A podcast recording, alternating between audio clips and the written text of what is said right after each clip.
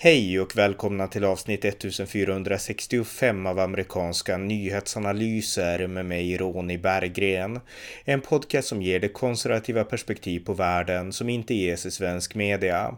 Stöd gärna på swishnummer 070-30 28 95 0. I detta avsnitt följer del två om den franske presidentkandidaten Eric Zemmour. I det förra avsnittet om Zemmour, i poddavsnitt 1419 från den 31 oktober 2021, så hade han ännu inte pålyst sin presidentkandidatur, men det har han gjort nu. Här berättar den fransktalande akademikern Josef Sak om Eric Zemmours vision för Frankrikes framtid. Varmt välkomna! Josef Sauk, välkommen! Tack! Eh, vi ska prata lite grann om Eric Zemmour, den franske presidentkandidaten. Och det var så här att vi gjorde ett poddavsnitt i oktober om Eric Zemmour därför att han har blivit väldigt omtalad. Men då var han ännu inte presidentkandidat. Men det dröjde inte lång tid förrän han eh, några veckor senare pålyste i slutet av november att han skulle ställa upp i det franska presidentvalet och han släppte en jätteintressant, jättebra video tyckte jag, där han pratade om att syftet med hans kandidatur var att rädda den franska republiken för barnen och barnbarnen och för att de inte skulle behöva växa upp i barbari. Och jag tyckte att det var en oerhört bra video. Såg du också den videon? Ja, ja det stämmer. Uh, det, där, uh, det är just det här som han lyfter upp som huvudfråga och det är, uh, det är just den här frågan som han understryker och säger att det ska vara presidentvalets huvudfråga för den här valkampanjen.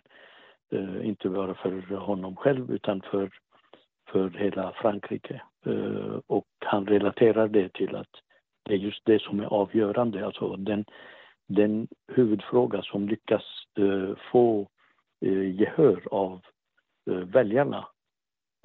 Det är den som kommer att avgöra vem som blir president och han har lite exempel från tidigare om åren som jag inte har memorerat men han, han nämner dem en och en mm. eh, vid varje valkampanj, valkampanj vad som var avgörande och varför just den kandidaten vann vid den tiden. Mm, ja, jag har sett lite av de här talen och det, det, är väldigt bra. Även om man pratar franska så ser man energin och sådär i liksom valmötena. Men vi ska gräva lite djupare idag i liksom personen Eric Zemmour utifrån intervjuer och andra saker. Och vi ska börja med en intervju som är gjord av författaren Jeffrey Lejeune som har intervjuat presidentkandidaten Eric Zemmour. Och du har läst eller sett den här intervjun så kan du berätta lite om den och vad som sägs där? Ja, alltså eh, Jeffrey uh, Lejeune, som han heter då, den här uh, unga uh, journalisten, han har skrivit en bok om Zemmour uh, som förespråkar, eller ja, förutspår att han kommer att bli president. Och det skrev han 2015.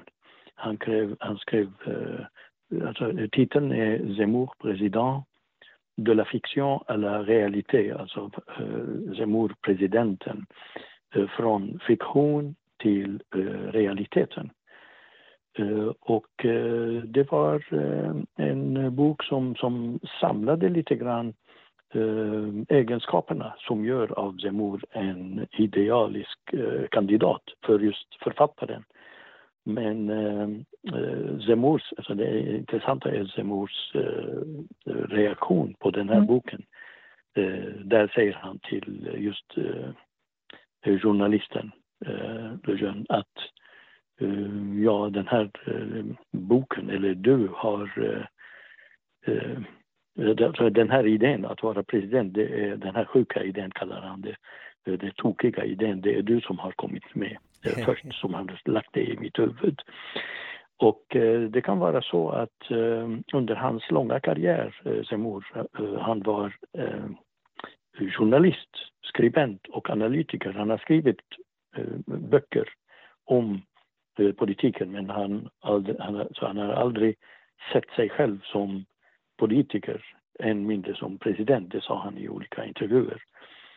Men den här eh, journalisten då eh, räknar eh, varför är Zemmour eh, en, eh, alltså passar bra som kandidat till, alltså som högerpolitiker. Då, då nämner han att han bockar alla kryss, alltså alla rutor som krävs för en, en ja, valkandidat av höger. Eh, och han jämför mot eh, Trump. Eh, han har mycket bättre chanser än Trump. Trump var bara en, en ja, kanske bra talare, men framförallt en businessman. Medan Zemmour är en mycket djup intellektuell så han är en person som älskar Frankrike med allt vad, Frankrike betyder. historia och, och framtid.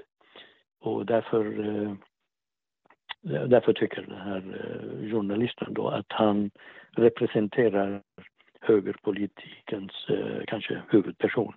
Och det, gör, det, det, det ger honom mycket bättre chanser att, att ena eh, den splittrade, den, den, den, den splittrade högern som är en av, alltså den här splittringen är en av Mitterrands, eller påstås vara en av Mitterrands eh, Eh, taktik. Uh, han, Mitterrand, när han ansåg att vänstern är svag i Frankrike då, då gjorde han att det bästa vi gör är att dela eh, högen till olika eh, delar och eh, där, därifrån kom den här eh, splittringen i, i högerpolitiken i Frankrike. Och den kallas för Le Piège, alltså fällan, Mitterrands fälla heter det i hans kommentar i den här journalistens då. Så, eh, och journalisten då säger att han har passerat, alltså Zemmour har passerat från, eh, från eh, perturbatör, alltså störaren till, till en omdetta, alltså en man av stat. Så det är en statsman? mer eller mindre en ja, statsman, precis. Mm. Ja, och, och eh, alltså han kommenterar äh, även hur han, äh, hur Zemmour har äh, beskrivit eller kommenterat Macron i hans olika intervjuer och tal. Alltså han säger att Macron är helt ointressant. Han, han, är, han är ingenting, han är bara en fasad. En fin fasad av ingenting, av ingen, ingen tydlig politik. Han är allting samtidigt och ingenting. Eh, säger mycket, gör ingenting och så vidare. Så, eh, ja. ja. Det verkar ju vara en jätteintressant intervju. Det känns lite grann som att den här Jeffrey Lejun är en ung journalist som har sett upp till Simor i unga år. Eh, får, får jag känslan av. I, I 30 år säger han att han hade röstat till olika kandidater från Chirac och ända till nu. Han röstat eh, höger men han blev seducerad säger han, alltså, av, av, av eh, Zemmours eh, diskurs. Och det bästa som han tycker att, att en av de starka punkterna med Zemmour att han inte ämnar till en karriär utan han tvärtom. Han har lämnat en, ett komfortabelt liv mm. för att, som han säger det, rädda sitt eh, sitt älskade land mm. eh, och nation. Så det är inte som de eh, andra eh, ja, politikerna som, som syftar till sin karriär eller som ser till att partiet ska vara bättre placerat eller så. Nej. Semur är idealist, inte karriärist kan man säga då? Det, det kan man säga, ja. Mm. Men om du skulle berätta då, hur ser Semur på presidentvalet? Vad är viktigast för honom och varför?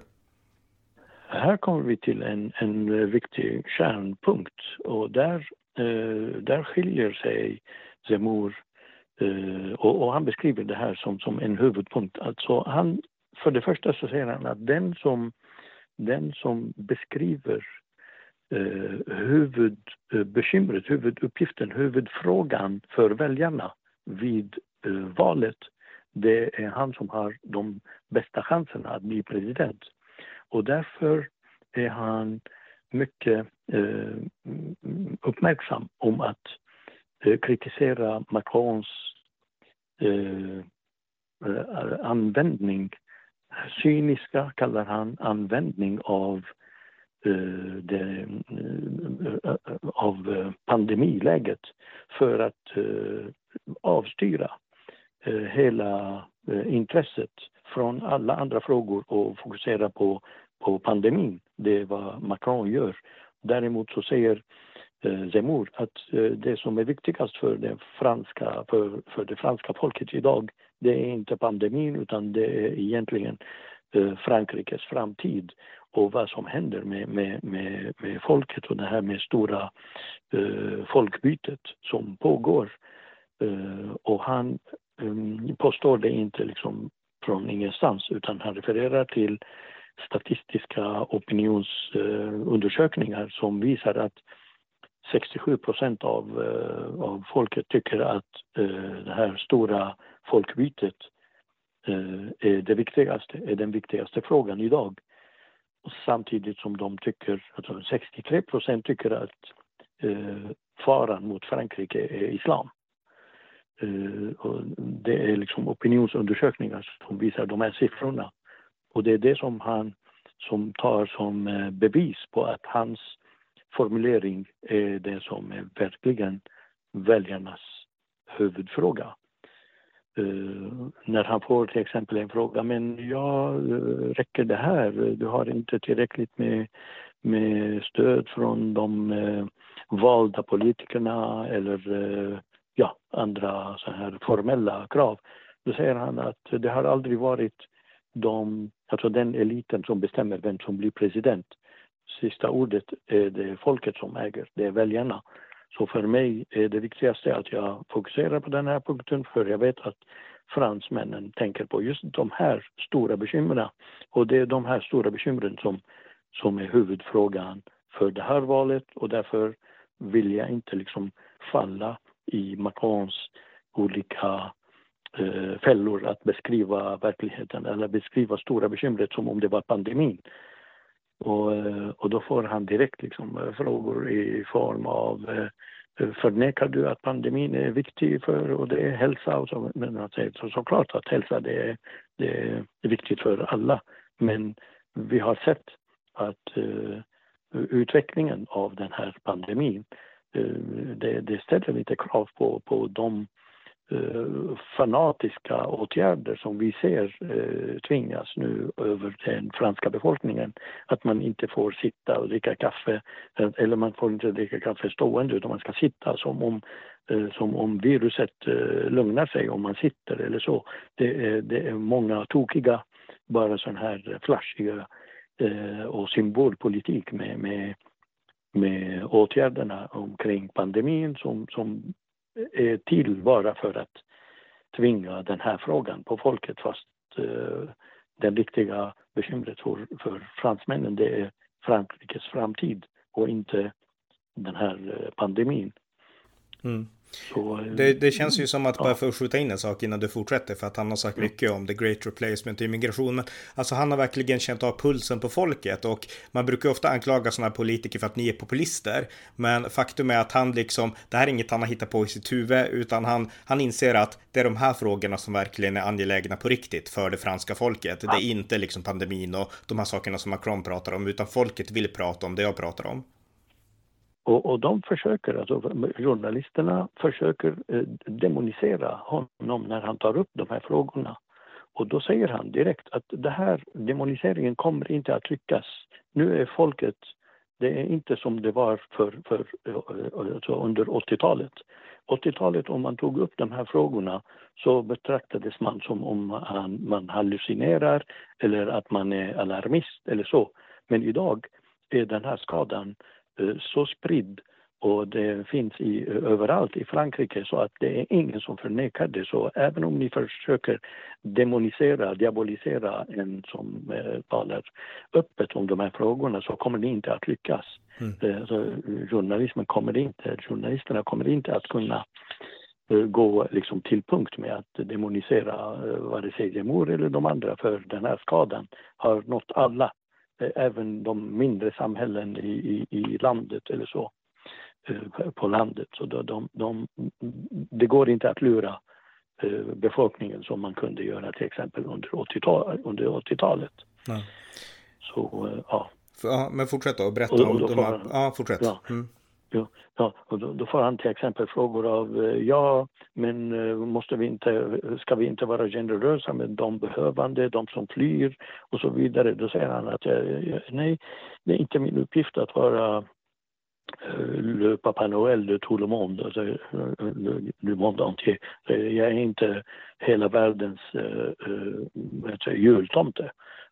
Ja, jag, mitt första huvuduppgift det är franska folket och franska nationen.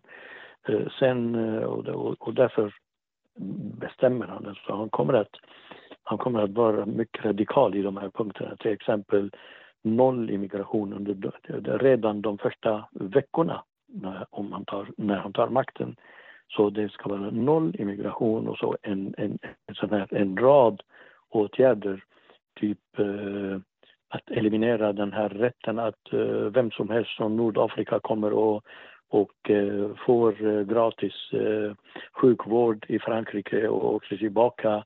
Eller folk som kommer bara för att föda sina barn i Frankrike för att få medborgarskap fast de inte vill ha något annat från Frankrike än just att leva på fransmännens bekostnad och så vidare och inte bli fransmän i slutändan. Så han skiljer mellan den eh, eh, immigrationen som, som, är, som ämnar bli en del av Frankrike som han själv säger att eh, jag kan inte, ni kan inte skylla mig för, för han har fått liksom, höra att han är rasist eller så. Och då, då säger han att det är fånigt för jag, jag lilla juden med ber, berberiska rötter, vilken, vilken, vilken rasism är det som jag ska hävda? Så jag, han tar sig själv som ett exempel om den lyckade assimilationen och där, där har han liksom en lång förklaring om skillnaden mellan assimilation och integration. Mm. Integration, liksom att man jobbar och betalar skatt, det kan, man, det kan även en gästarbetare göra. Men en eh, assimilation, det krävs av en som ämnar bli frans, eh, fransman och fortsätta leva där. Då ska man tillägna sig även Frankrikes historia, inte bara nuläge och inte bara skatt, utan man ska känna sig som en del av Frankrikes eh, ja, eviga historia eh, och även ämna till en, en bättre framtid till Frankrike. Och därför ska man prioritera Frankrike framför allt annat. Till skillnad, eller mot, till motsats mm. till vad eh, ja, till exempel Macron gör. Mm. Eh, väldigt intressant. Eh, han vill ju också reformera jordbrukspolitiken i Frankrike. Varför vill han det och på vilket sätt? det, det, ingår också det här med jordbruket, det är bra att du påpekar det, för det, det ingår just det här, hans uppfattning om att man har eh, Eh, man har omprioriterat i samband med eh, la mondialisation, alltså globaliseringssyften. Eh, så har man omprioriterat allting till det som servar globaliseringen. Alltså för, för att han, han ser det som att man som att man tar ifrån Frankrike Eh, identiteten, alltså den, den eh, historiska identiteten. Han säger att 90 procent av tiden så var, eller största, största, eh, största delen av tiden var 90 procent av fransmännen jordbrukssamhälle. Och det som har gjorts i samband med globalisering det är att flytta över all prioritet till huvudstäderna och därför har man liksom börjat skapa lite så större huvudstäder och till exempel Paris eller göra lite eh, små Paris lite överallt. Och, och, det är han helt emot. Han säger att det här måste omregleras och omprioriteras, ombudgeteras och då får han frågan till exempel, vad är det, hur, hur du, du, du, säger att jag vill och jag vill, och så, hur, hur ska du göra det? Ja, så för det första så kommer det att göra raka motsatsen till det Macron har gjort.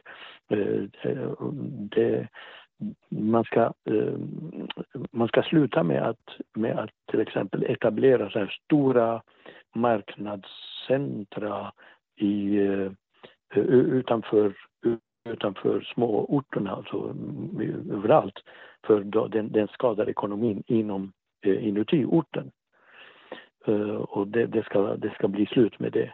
Och, eh, och budgeten, eh, det ska flyttas tillbaka till, till, ja, till, till landet så att säga och till aktiviteterna, eller ja, samhället, eh, att finansiera liksom, landområdena.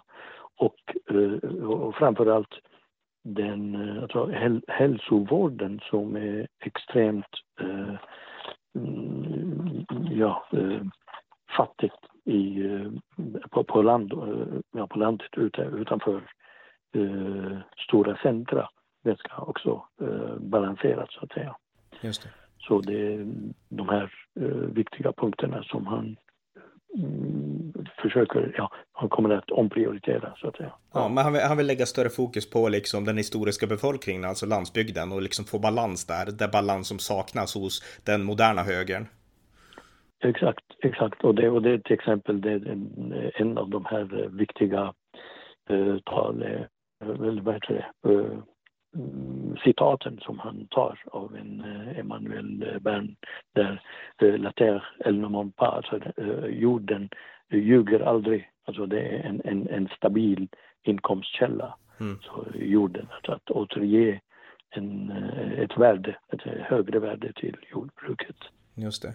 Eh, en annan punkt som man pratar mycket om det är skolan och då vill han återgå till det konservativa skolsystemet och jag kan inte alls så mycket om hur den franska skolan funkar men vad, vad menar han med det? Ja, så han menar att eh, under eh, de senaste 40-50 åren så har vänstern eh, genom ideologiska påhitt, som han nämner det, eh, och experiment förstört allt som är Eh, eh, som tillhör till skolan och till utbildningen som Frankrike var eh, bland de främsta länderna i världen i. Men eh, nu plötsligt Eh, blir liksom degraderad i, i kanske 10-11 grader i så här stora eh, tävlingar, världstävlingar, internationella tävlingar som PISA till exempel där man mäter eh, elevkunskaperna. Eh, från till exempel andra, tredje positionen till eh, eh, tolfte eller elfte på, under de här eh, ja, radikala förändringarna i skolan Eh, han vill återinföra det som var beprövat tidigare. Eh, han nämner till exempel det där med att, eh, att lära sig utan till. Eh, det, har, det hade ett värde. Alltså man lärde sig massor av texter, av, eh, av litteratur, av fin eh, skönlitteratur utan till. Man behöver inte förstå allting för att lära sig det. Man lär sig någonting och sen så småningom så, så smälter förståelsen i, alltså under tiden. Det är inte som idag, liksom, man, man, eleven ska forma, alltså han, han, han ironiserar där, att det är eleven som ska bestämma vad, vad han eller hon ska lära sig. Och läraren ska inte vara en kunskapsförmedlare utan en medhjälpare till att eleven ska planera sin egen undervisning eller inlärning. Och det har förstört, förstört liksom excellensen i, i eh, skol, eh, eh, ja, i utbildningen. Därför ska han återinföra det som var tidigare, till exempel certifikat som är den lägsta eh, riksprovet som är motsvarande femte klassen alltså i, i, i grundskolan. Mm. Och man ska inte gå över till sjätte klassen om man inte har lyckats med det här rikstestet. Det, det, det, det, är ett jättegammalt system som jag själv har gått eh, tidigare i Libanon. Eh, som, som, är en kopia av, eller som var en kopia av Frankrikes system. Så eh, femte klassen ska man ha en rikstest. Den som inte lyckas, för han, han har märkt, alltså, han är fantastisk i att komma ihåg eller att referera till statistiska uh, säger, uh, referenser. Han säger att till exempel mellan 20 och 30 procent av eleverna lyckas inte med, med att uh, läsa och skriva och ändå går vidare till sjätte klassen. Det ska inte ske. Man ska, man ska kunna läsa och skriva innan man går över till, till sjätte klassen. Och då får han fråga, ja vad gör vi med eleven? Så, ja, de får hjälp, de får uh, uh, sitta kvar i en sån här trans, uh, mellanklass eh, eh som, som hjälper dem att lyckas med det där testet och sen gå vidare till sjätte klassen. Som det var tidigare, det är beprövat, det är ingenting som jag hittar på. Och samma sak med, med examen, alltså studentexamen. Det ska vara värt namnet, alltså vadå studentexamen? Det är nästan omöjligt att någon misslyckas, säger han. Det ska vara på riktigt, det ska vara liksom, eh, ett, ett prov som, och samma med brevet som är slutet på, eller som är högsta nionde klassen så att säga. Nionde klassen, det ska vara ett rikstest där också som bevisar att man är duglig att fortsätta vidare till högre eh, klass. Och han ska eliminera någonting som heter Alltså i, i stort sett så är det meriten och disciplinen som ska tillbaka mm. till skolan och inte liksom bara att, att ja, eh, så, um, bort, och, bort, och, bort med flumskolan skulle man kunna säga i Sverige. Bort med flumskolan. Ja, exakt, exakt. Och um, ja, alltså det, det, det är, det är och, och, just det, alltså, som sagt, alltså, i, igår hade han en föreläsning, en, ja, en konferens om just eh, så en, en hel timme talade han om just skolreformen, hur han ser på lärarnas roll som ska tillbaka till, alltså till äh, lärare, de ska vara äh, kunskapsförmedlare och de ska ha äh, alltså auktoriteten att utöva sitt jobb. Och det ska, de ska få hjälp av, av ja, ordnings vad ska jag säga, instanser som ser till att de stök, stökar, alltså de som stökar, stökiga i klassen eller i skolan inte ska ha sista ordet, att de ska isoleras eller tas ifrån och låta andra fortsätta, kunna fortsätta jobba, göra ett bra jobb. Mm. Och föräldrarna också ska ha eh, Eh, de ska vara trygga i att skolan gör sitt jobb och inte liksom vara bekymrade över att det är aktivister, vare sig från eh, hbtq eller feminister eller klimatister eller vad det kan vara, som har, liksom, som har eh, lagt handen över skolan. Och han, han gör en sån här ironisk, ja, eh, ja det är sant att era barn Eh, Eh, blir eh, misslyckade med sina studier och inte lyckas med, med, med, bra med studierna. Men var inte rädda, för de är jättemåna om klimatet, de är jättebekymrade över, över e-, egal, eh, vet, egalitet, likställ, jämställdheten och, och, och, och, och den sexuella läggningen och så. De säger att det här är ingenting som skolan ska sköta. De, de ska inte ha någonting att säga till i skolan. Skolan ska vara ett ett kunskapstempel och allt annat ska vara utanför. Han, han har även nämnt att tillbaka till bluesen, alltså som, som tidigare eleverna, alltså de yngre eleverna hade klädsel så att man inte är liksom fokuserad på vilka, vilka kläd, vilken klädsel man har när man är i skolan. Det ska vara fokus på studier och inget annat. Så ja, tillbaka till den riktigt konservativa skolan helt enkelt. Just det. Mm. Ja, intressant. Eh, han har också uttalat sig om EU. Det är så här att Frankrike tog över ordförandeskapet för EU nu i december. Och eh, ja, vad tycker han om EU och Macron som ordförande? Ja, alltså, han kallar EU helt och hållet som en chimär. Alltså det är en, en chimär. Det är ingenting som, som går att jämföra. Det är ingen liksom, federal stat som USA. Det är inte ce n'est pas les États-Unis, säger han. Alltså det är inte Förenta Staterna. Alltså det, det är, det är, eh, och han, han ger också en, en sån här rolig jämförelse som kom från de Gaulle som sa att eh, man kan inte laga en omelett av eh, hårdkokta eh, ägg. och, och, alltså, on ne peut pas, on ne peut pas faire, on fait pas d'omelette avec des œufs durs, säger han. Eh, alltså, alltså, Europa utgörs av ja, så många stater och, och, länder som, har, som, som är ganska hårda i, sin, i sina identiteter, stolta över sina identiteter. Det går inte att göra en omelett, en, en, en någonstans, någon, någonting mittemellan av alla. Var och en av de här länderna och staterna, nationerna har, som har en historia, har en identitet. Så han tror inte på någonting som heter EU. Och han säger att eh, det är inte Europa som har gjort eh, eh freden, det är freden som har skapat Europa. Och, eh, och det, det, det, viktiga är att eh, att, att man ska se till att Europa mår, alltså europeiska nationer mår bra för att, eh, för att komma till en fred. Mm. Och han säger att eh, det, här, det här är en chimär som till exempel Macron har, eh, har prioriterat. Alltså han prioriterar till exempel EU eller stora, andra stora projekt framför Frankrike. Medan Zemmours första fokus det är Frankrike och sen allt annat. Han tar exempel som, som eh, till exempel när eh, Zemmour, eller vad eh, säger Macron, vet du, offrar Frankrikes intressen för ja, EUs skull eller för andra stora internationella intressen. Eh, och det kommer han att göra raka motsatsen till, säger han. Eh, det första är så jag gör raka motsatsen till det här. Eh, vi är ingen federal stat.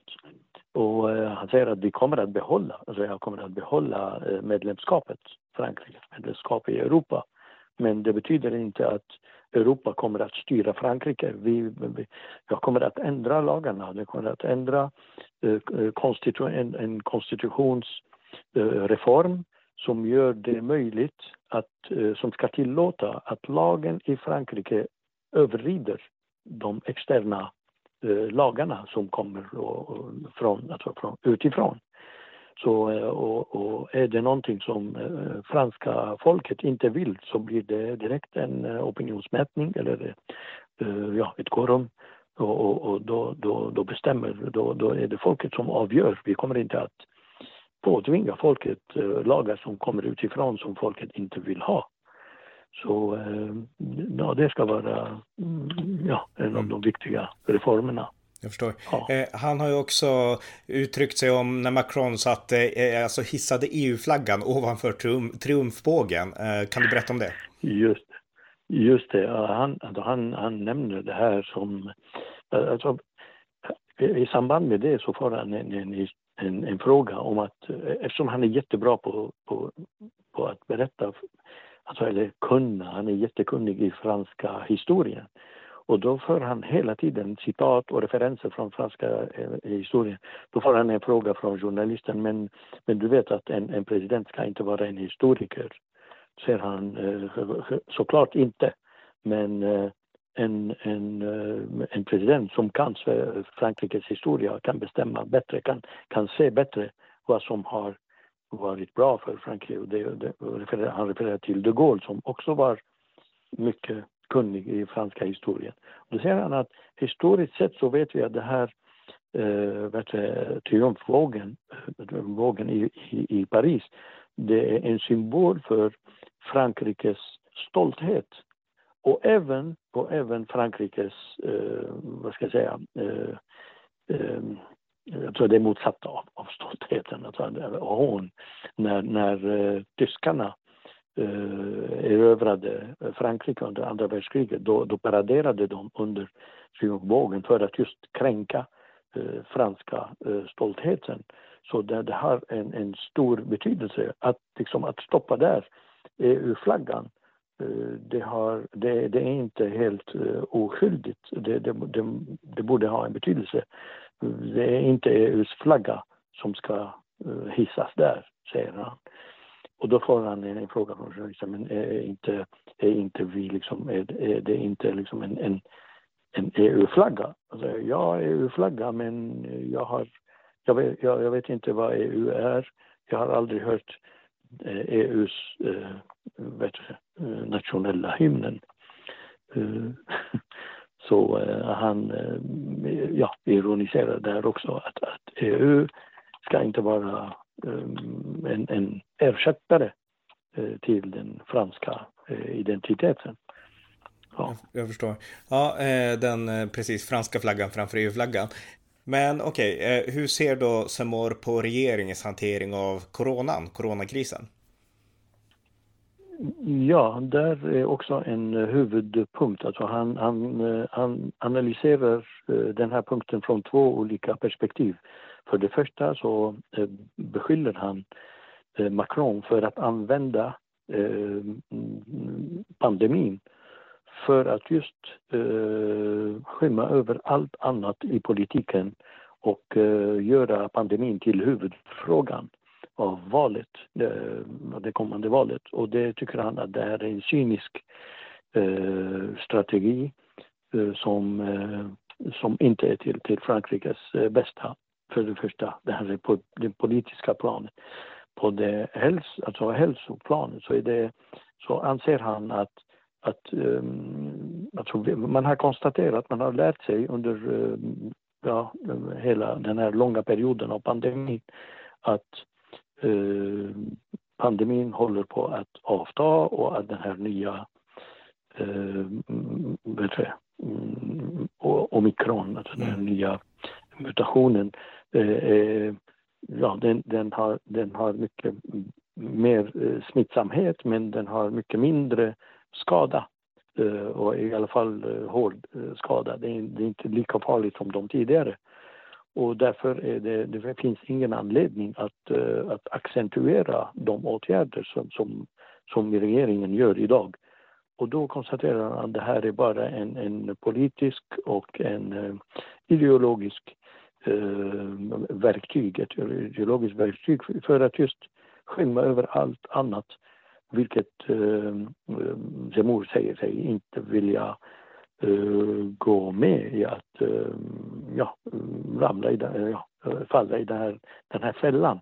Han tycker fortfarande inte att pandemin är den viktigaste, det, det viktigaste bekymret för franska befolkningen utan det är just Frankrikes identitet, Frankrikes vara eller icke vara, om det kommer att finnas en eh, Frankrike i framtiden eller inte. Det är de som är stora frågorna som bekymrar fransmännen.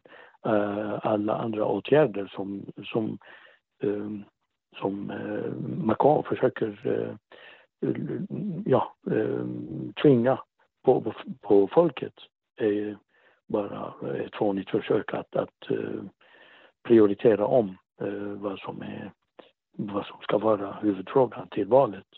Mm. Och där, därför kritiserar han, ja. Ja, precis. Och eh, jag menar, Macron har uttalat sig ganska hårt om de som är, till exempel om de som inte är vaccinerade. Vad har Semur för kommentar till Macrons olika uttalanden om den gruppen? Ja, precis. Uh, han säger direkt att det här är ett cyniskt försök från Macron för att klyva eh, folket. Liksom. Och, och, det gör han med flit för han vet att eh, nu när över eh, 70 procent av, av befolkningen är vaccinerad så kommer han att använda det här som en, eh, ett verktyg för att isolera eller ja, demonisera till och med eh, de som är ovaccinerade och därför eh, så var det en, en, en, ja, en stor, vad ska jag säga, reaktion från många journalister att, att, eh, att Macron har använt ett språk som inte är eh, värt en, president. En president ska inte säga eh, om det, alltså använda ordet skit, att, att jag ska göra livet skit för dem, jävlas. Och det, alltså den, den, det uttryck som han sa, det var att jag har så lust, je, je, j'ai envie, säger han. J'ai très envie. Alltså jag har så lust øh, d'emmerder les, les, les, ceux qui ne sont pas vaccinés. Jag har så mycket lust att jävlas mot de som inte är vaccinerade.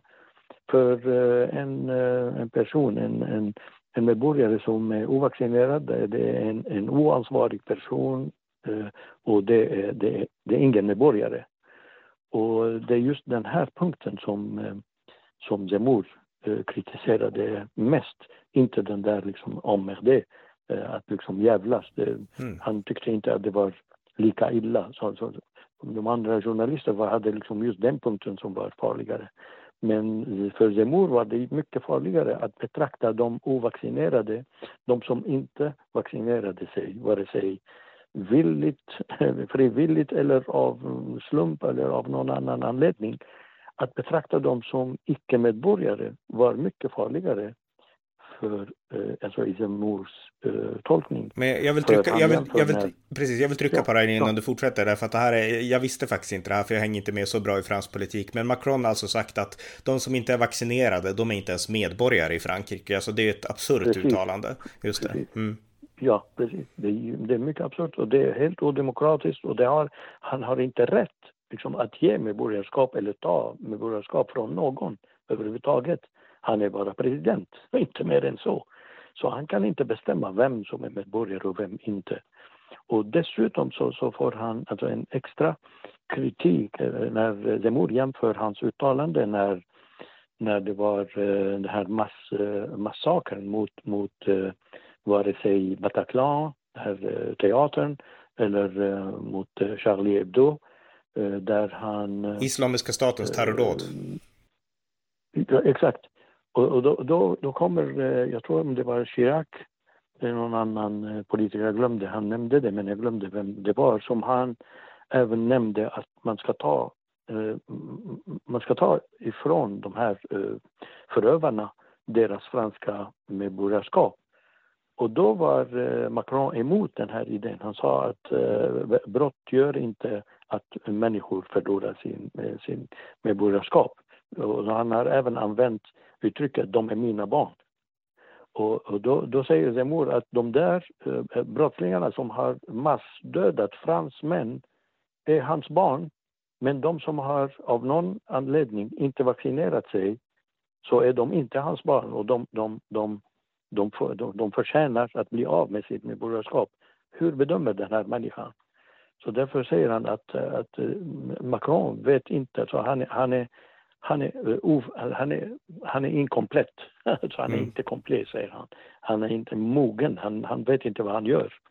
Så, ja, ja är, så, är, är, är, rikt, är riktig uppläxning ja, alltså. Ja. Mm. Eh, det är ja. jätteintressant. Ja, eh, om vi går vidare till nästa punkt. Alltså om Semur blir president, hur skulle då hans, eh, alltså om han blir president, hur skulle Frankrike se ut om, ja, fem år eller sådär? Ja, alltså på, på en sån fråga så svarar han att eh, en Frankrike, alltså han vill eh, återupprätta en Frankrike som är stolt av sig själv, för det, för det första, fjärdedel mem, stolt av sig själv, stolt av sin historia, för det har liksom sagts hur mycket som helst att, liksom, att få den här eh, kulpabilitets, alltså skuldkänslan Eh, i, i Europa överhuvudtaget och mest i Frankrike att de har varit liksom kolonialland i Nordafrika och så vidare. Och det har liksom matrakerat, det har liksom upprepats under de senaste 40-50 åren. Alla skolor, alla barn, alla elever bara ta, hör talas om att Frankrike måste skämmas. Och då, då, han är helt emot det här. Och också stöd, med stöd av historien och varför Frankrike inte behöver skämmas för sin historia. Och därför säger han en, en, en Frankrike som ska vara stolt av sig själv, stolt av sin historia, av sin kultur, av, eh, i andra sammanhang även av sin kristna identitet, av sin kristna historia, säger han också. Och det ska inte vara, Frankrike det ska inte vara en, en eh, samling av olika diasporafolk, utan det, det, ska vara en Frankrike, det ska vara samma Frankrike, eller ja, en fortsättning av en, en, en, Frankrike som har en identitet. Och det ska vara eh, fred och det ska vara eh, lugn, säger han. Och då får han direkt mothugg från en kvinnlig journalist som säger att eh, jaha, lugn, vad menar du? Jag sa ja, lugn i form av att till exempel en eh, unga damer ska inte behöva vara bekymrade när de står framför spegeln eh, på morgonen och, och, och undra om det de har på sig kommer att leda till att, bli, att de blir övergrepp, alltså, ja, att, att mm, ja, råka ut för övergrepp. Och eh, bara för att de har fel klädsel eller så. Det ska, det, det ska inte vara så i Frankrike. De ska ha liksom, mm, de ska känna fred och, och möjlighet att bestämma hur de ska se ut. Och eh, det här ger inte bara en sån här en fysisk eh, lugn utan även det ska finnas en mental eh, fred och lugn också över att våra barn kommer att leva i en, i en Frankrike och inte i ett land som inte har någon identitet. Vi måste kunna förmedla vår kultur vår identitet till våra, eh, till våra nästkommande generationer. Så eh, det är som han ser liksom vad som ja, Frankrike kommer att se ut om några år. Mm, just det. Eh, ja, eh, hur bedömer han då chanserna alltså att bli president och valet och sådär? Alltså han, han eh, ja som sagt alltså han äh, tycker att det som avgör i slutändan, för han, äh, han har fått äh, mm. frågan om, om han har samlat tillräckligt med Eh, som de kallar lemer, alltså borgmästare eller eh, ja, någon hövding eller så som de har i Frankrike och det är flera tusen varav eh, alltså lagen som går tillbaka till eh, de Gaulles tid. Eh, lagen säger att man alltså, som eh, presidentkandidat ska ha minst 500 eh, med som, som eh, sponsrar eh, hans eh, kandidatur. Och eh, just nu har eh, Zemmour inte ens 300. Och han är kritisk mot just den eh, lagen som har ändrats under Hollands tid. Eh, lagen var tidigare att man som mer, alltså man kunde sponsra anonymt. Man behövde inte vara känd vem man har sponsrat eller inte. Men under Hollands tid så ändrades den här lagen och då blev det transparent, som det kallas. Att en eh, mär ska kunna pekas ut. Att jaha, du har stött Semur till exempel och han ger ett exempel att det finns en, eh, en sån här mär som blev kontaktad som säger ja, jag är jätteförtjust i Semurs eh, alla uh, ja, förslag och, och, och, reformer och planer och så vidare. Och ja, och då betyder det att du kommer att sponsra. Uh, tyvärr så kan jag inte göra det eftersom jag väntar på en, uh, ja, en, eh, jag har en, en rätts, uh, uh, ärende och då är jag rädd att uh, bli straffad för att ha sponsrat uh, till exempel Zemmour.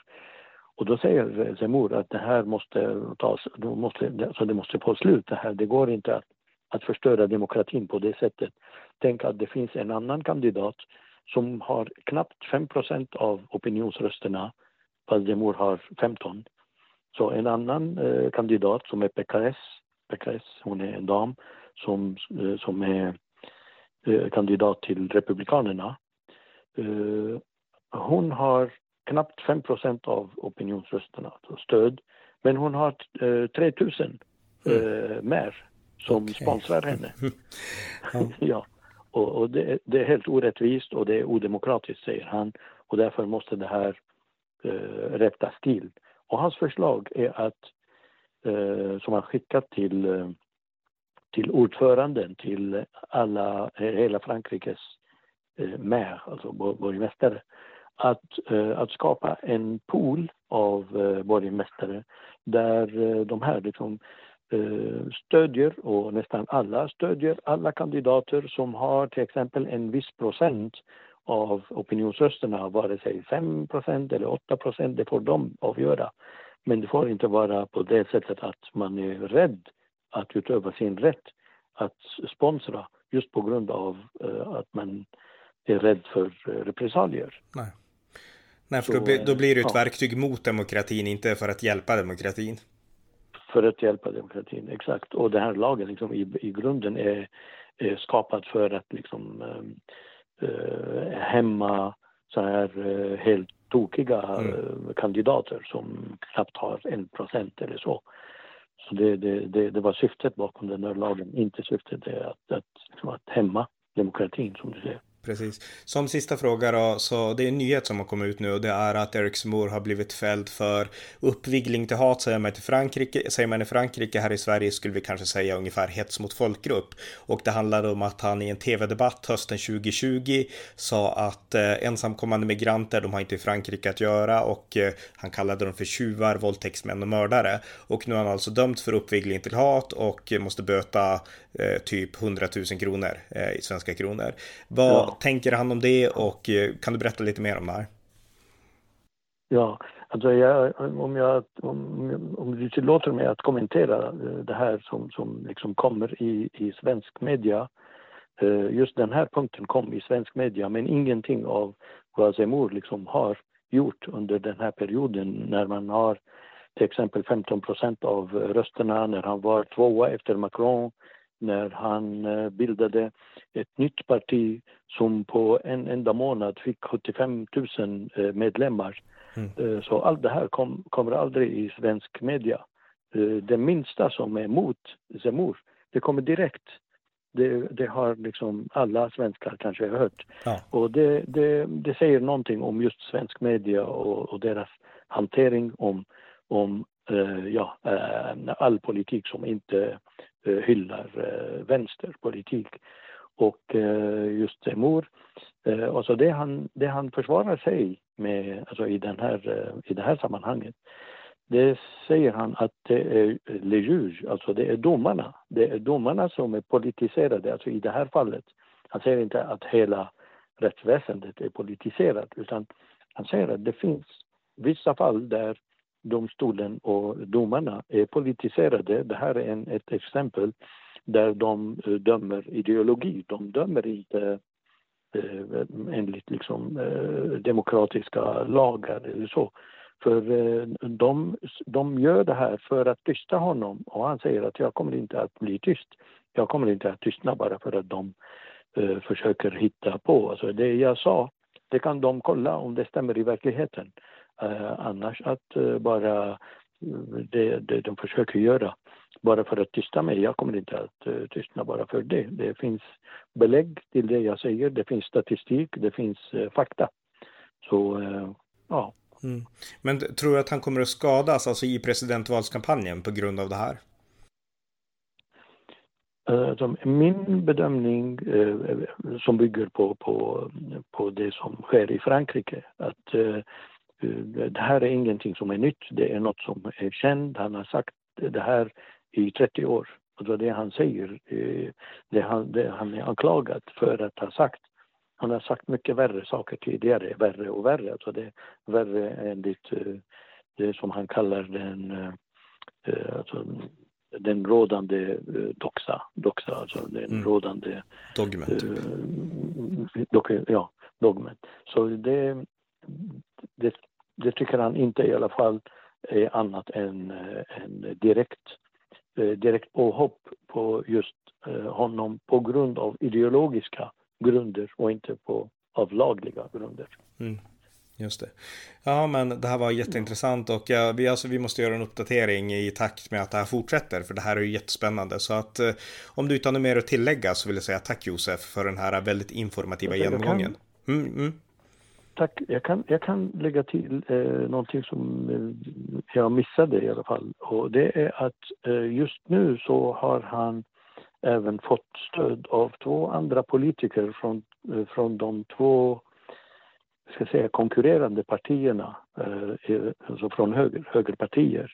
En som heter Jean Messia som är också känd från, eh, från eh, partiet där eh, eh, Marine Le Pen är eh, ordförande.